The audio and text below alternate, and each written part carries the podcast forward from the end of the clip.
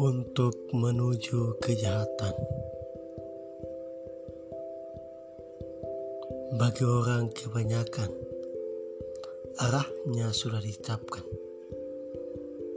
Jalan mulus dan tempat yang dituju dekat. Tapi ketinggian kebajikan dicapai dengan keringat dan rasa sakit. Karena dengan cara demikianlah para pahlawan keabadian ditahbiskan. Pendakian panjang dan berat untuk mendaki gerbangnya.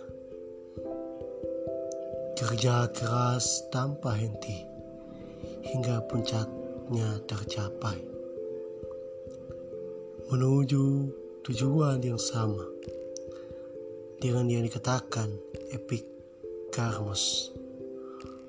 Para dewa menganugerahkan berkah dengan harga yang mahal. Sebagaimana penuh pernah disebutkan di tempat yang lain.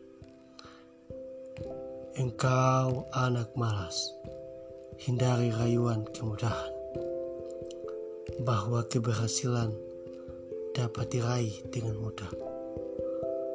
Socrates, pengutip penyair Yunani kuno.